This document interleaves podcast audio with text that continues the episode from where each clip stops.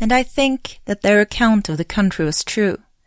For even if a man has not heard it before, he can readily see, if he has sense, that that Egypt to which the Greeks sail is land deposited for the Egyptians, the river's gift.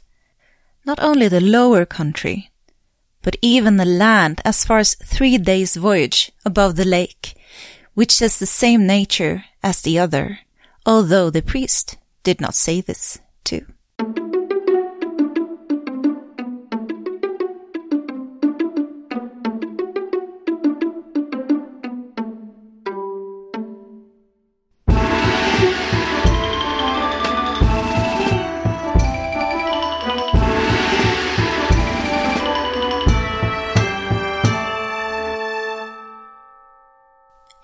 Välkomna till Podius Castus, en podd om antiken. Idag med mig, Angelica. Och dagens minisnitt ska handla om Nilen-mosaiken från Palestrina, den antika staden Praeneste. Och det är precis som det låter. En magnifik scen över Nilen i mosaikform. Men vi kan väl börja med att prata lite om just Nilen. Nilen, det är en stor flod som rinner norrut, ut i Medelhavet. Den ligger i nordöstra Afrika och rinner idag igenom elva länder. Tanzania, Uganda, Rwanda, Burundi, Kongo, Kinshasa, Kenya, Etiopien, Eritrea, Sydsudan, Sudan och Egypten. Som antikvetare förknippar man Nilen främst med just Egypten. Det är ett land som har en lång historia som sträcker sig från ungefär 6000 före vår tidräkning, alltså 8000 år tillbaka i tiden, fram till nu. Norr om Kairo splittrar sig Nilen i två grenar och formar Nilendeltat. Och under de senaste 5000 åren har folk brukat jorden i detta område intensivt. Det känns kanske lite otroligt med tanke på att det är ett ökenlandskap. Men det är här Nilen spelar en oerhört viktig roll. Låt mig ta er tillbaka till Nilen under antiken och citatet som jag läste upp i början. Citatet är från författaren Herodotos. Han skrev om Egypten som Nilens gåva. Och Nilen spelade en stor roll i den egyptiska civilisationens utveckling. För utan Nilen hade inte Egypten vuxit fram. Vattnet i Nilen gav en oändlig källa till näring och floden svämmade över bankerna årligen och lämnade nya lager med slam som gjorde landet extremt bördigt. Det gjorde att folket i Egypten kunde odla och handla med vete, lin, papyrus och andra grödor. Handeln i sig säkrade diplomatiska relationer med andra länder och bidrog till en ekonomisk stabilitet. Nilen var också en viktig del i religionen. Gudomen Hapi samt farao var de som kontrollerade översvämningarna. Själva Nilen i sig var en gångbro från liv till död och till efterlivet. Öst var födelsen, väst döden. Alla gravar ligger till väst om Nilen. Detta för att man trodde att man inte kunde nå efterlivet om man inte var begravd på rätt sida, alltså den som symboliserade döden. Den antika egyptiska kalendern var baserad på Nilens tre cykler. Aket, Peret och Shemu kallades de. Och Aket var den tiden på året då Nilen svämmade över. Men nu skulle det ju handla om en mosaik. Och här passar det ju faktiskt att komma med lite kort information om just mosaiker. En mosaik är ett mönster eller en bild som är gjord av små bitar av färgad sten, glas eller keramik. Fastsatt med puts eller murbruk. Det används ofta som dekoration på golv eller väggar och var väldigt populärt, speciellt under antik romersk period, men även tidigare, under den antika grekiska perioden men mosaiker funnits längre än så.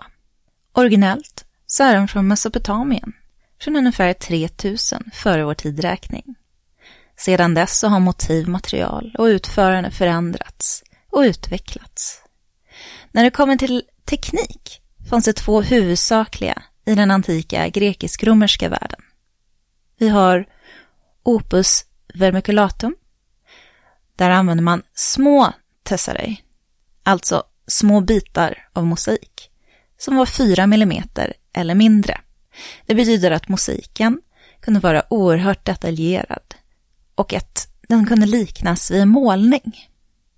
Den andra tekniken var opus tessellatum. Här användes större tessare och det passade till större golvmosaiker och lite grövre bild. I utförande alltså.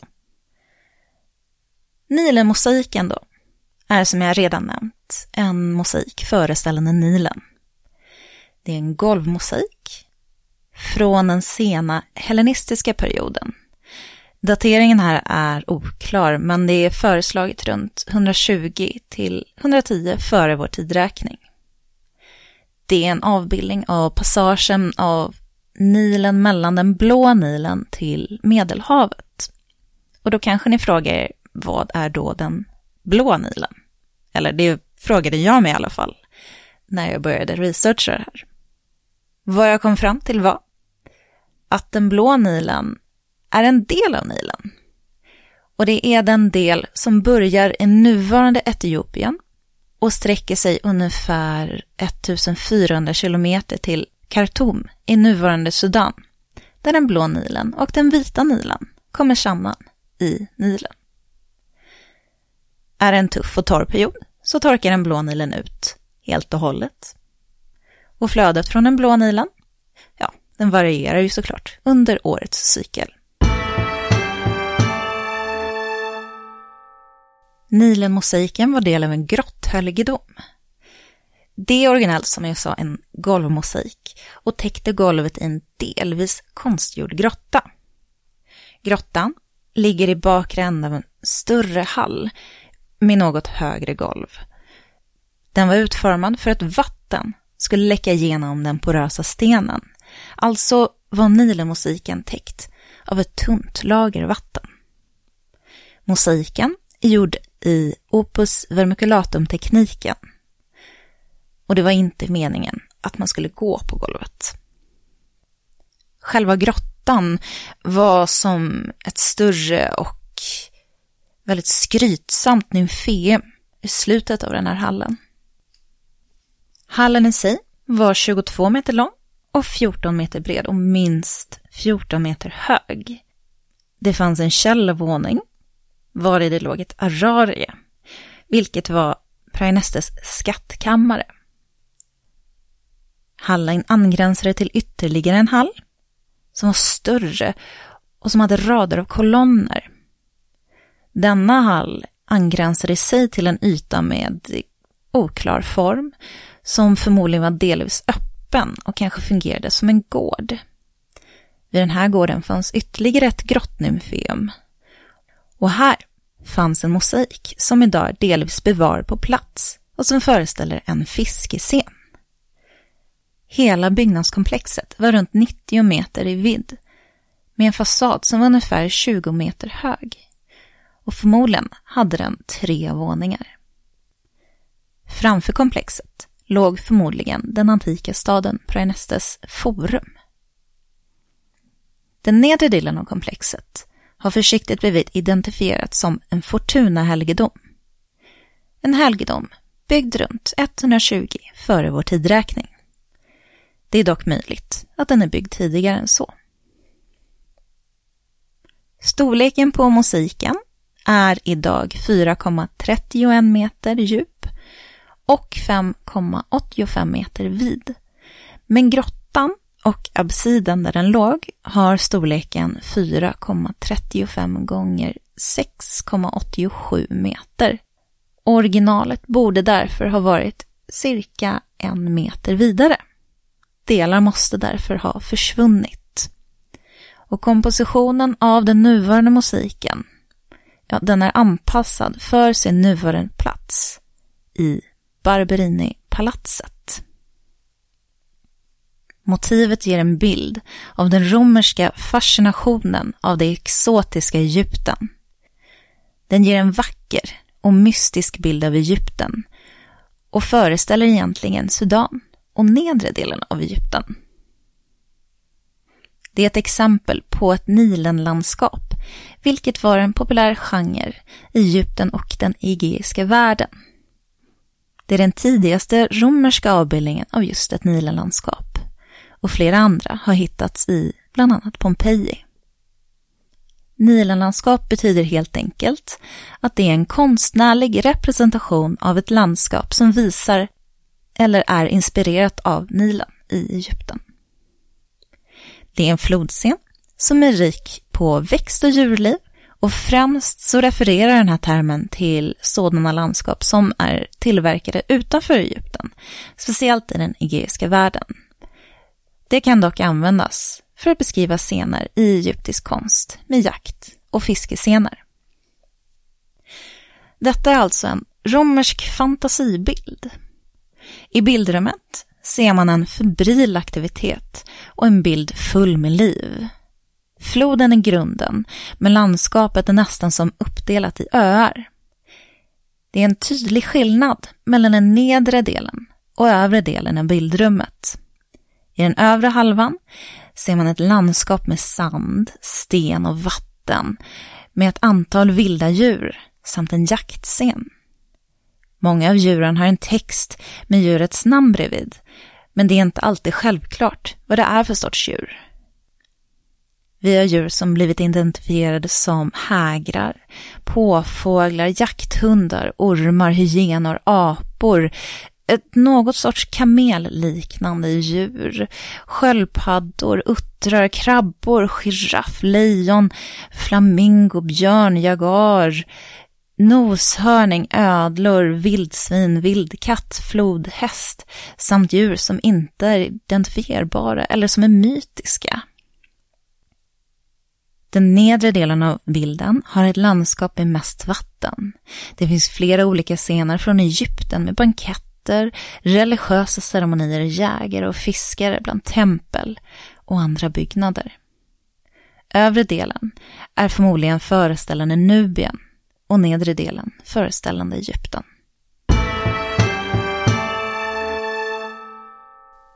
Som vanligt så kan jag ju inte hålla mig från att lämna antiken och följa fynd som denna mosaik in i efterantik tid.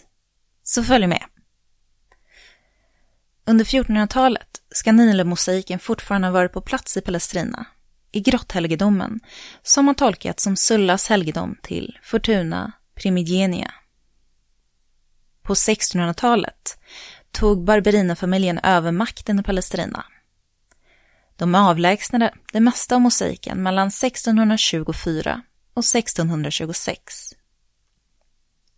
Innan mosaiken delades och bars bort gjordes det ingen bild av originalet. De hade alltså ingen respekt för kompositionen. Den fraktades till Palazzo Barberini i Palestrina, till Rom och senare tillbaka till Palazzo Berberini. Och ja, musiken skadades även under frakt. Akvarellmålningar har gjorts av musiken, vilka återupptäcktes av Helen Whitehouse. Och detta ledde till att man kunde göra en närmare rekonstruktion av den. Dock är det fortfarande mycket som är oklart. Man känner absolut inte till originalkompositionen. Akvarellerna de gjordes innan restaurationen 1640. Runt 1630, sisådär. De troddes som sagt vara förlorade. Men är nu väldigt viktiga för musikens rekonstruktion och tolkning. Det är dock målningar på de olika sektionerna efter att musiken plockades isär. För som jag sa, så gjordes det ingen dokumentation av originalet innan den plockades bort. Vid flera tillfällen under årens gång har mosaiken reparerats och restaurerats till den mosaik som man kan se idag.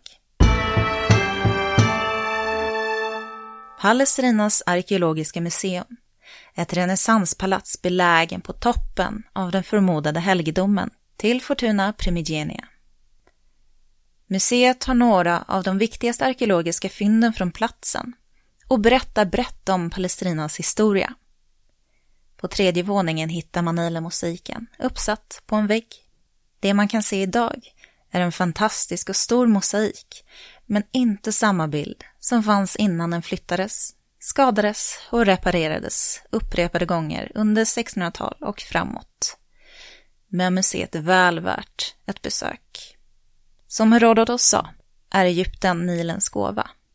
Och den gåva att vi fortfarande får njuta av skickliga hantverk från antikens värld, som denna. Mitt namn är Angelica och ni har lyssnat på Podius Castus, en podd om antiken.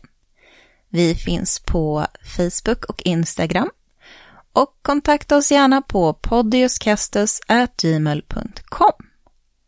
Tack för mig och på återhörande.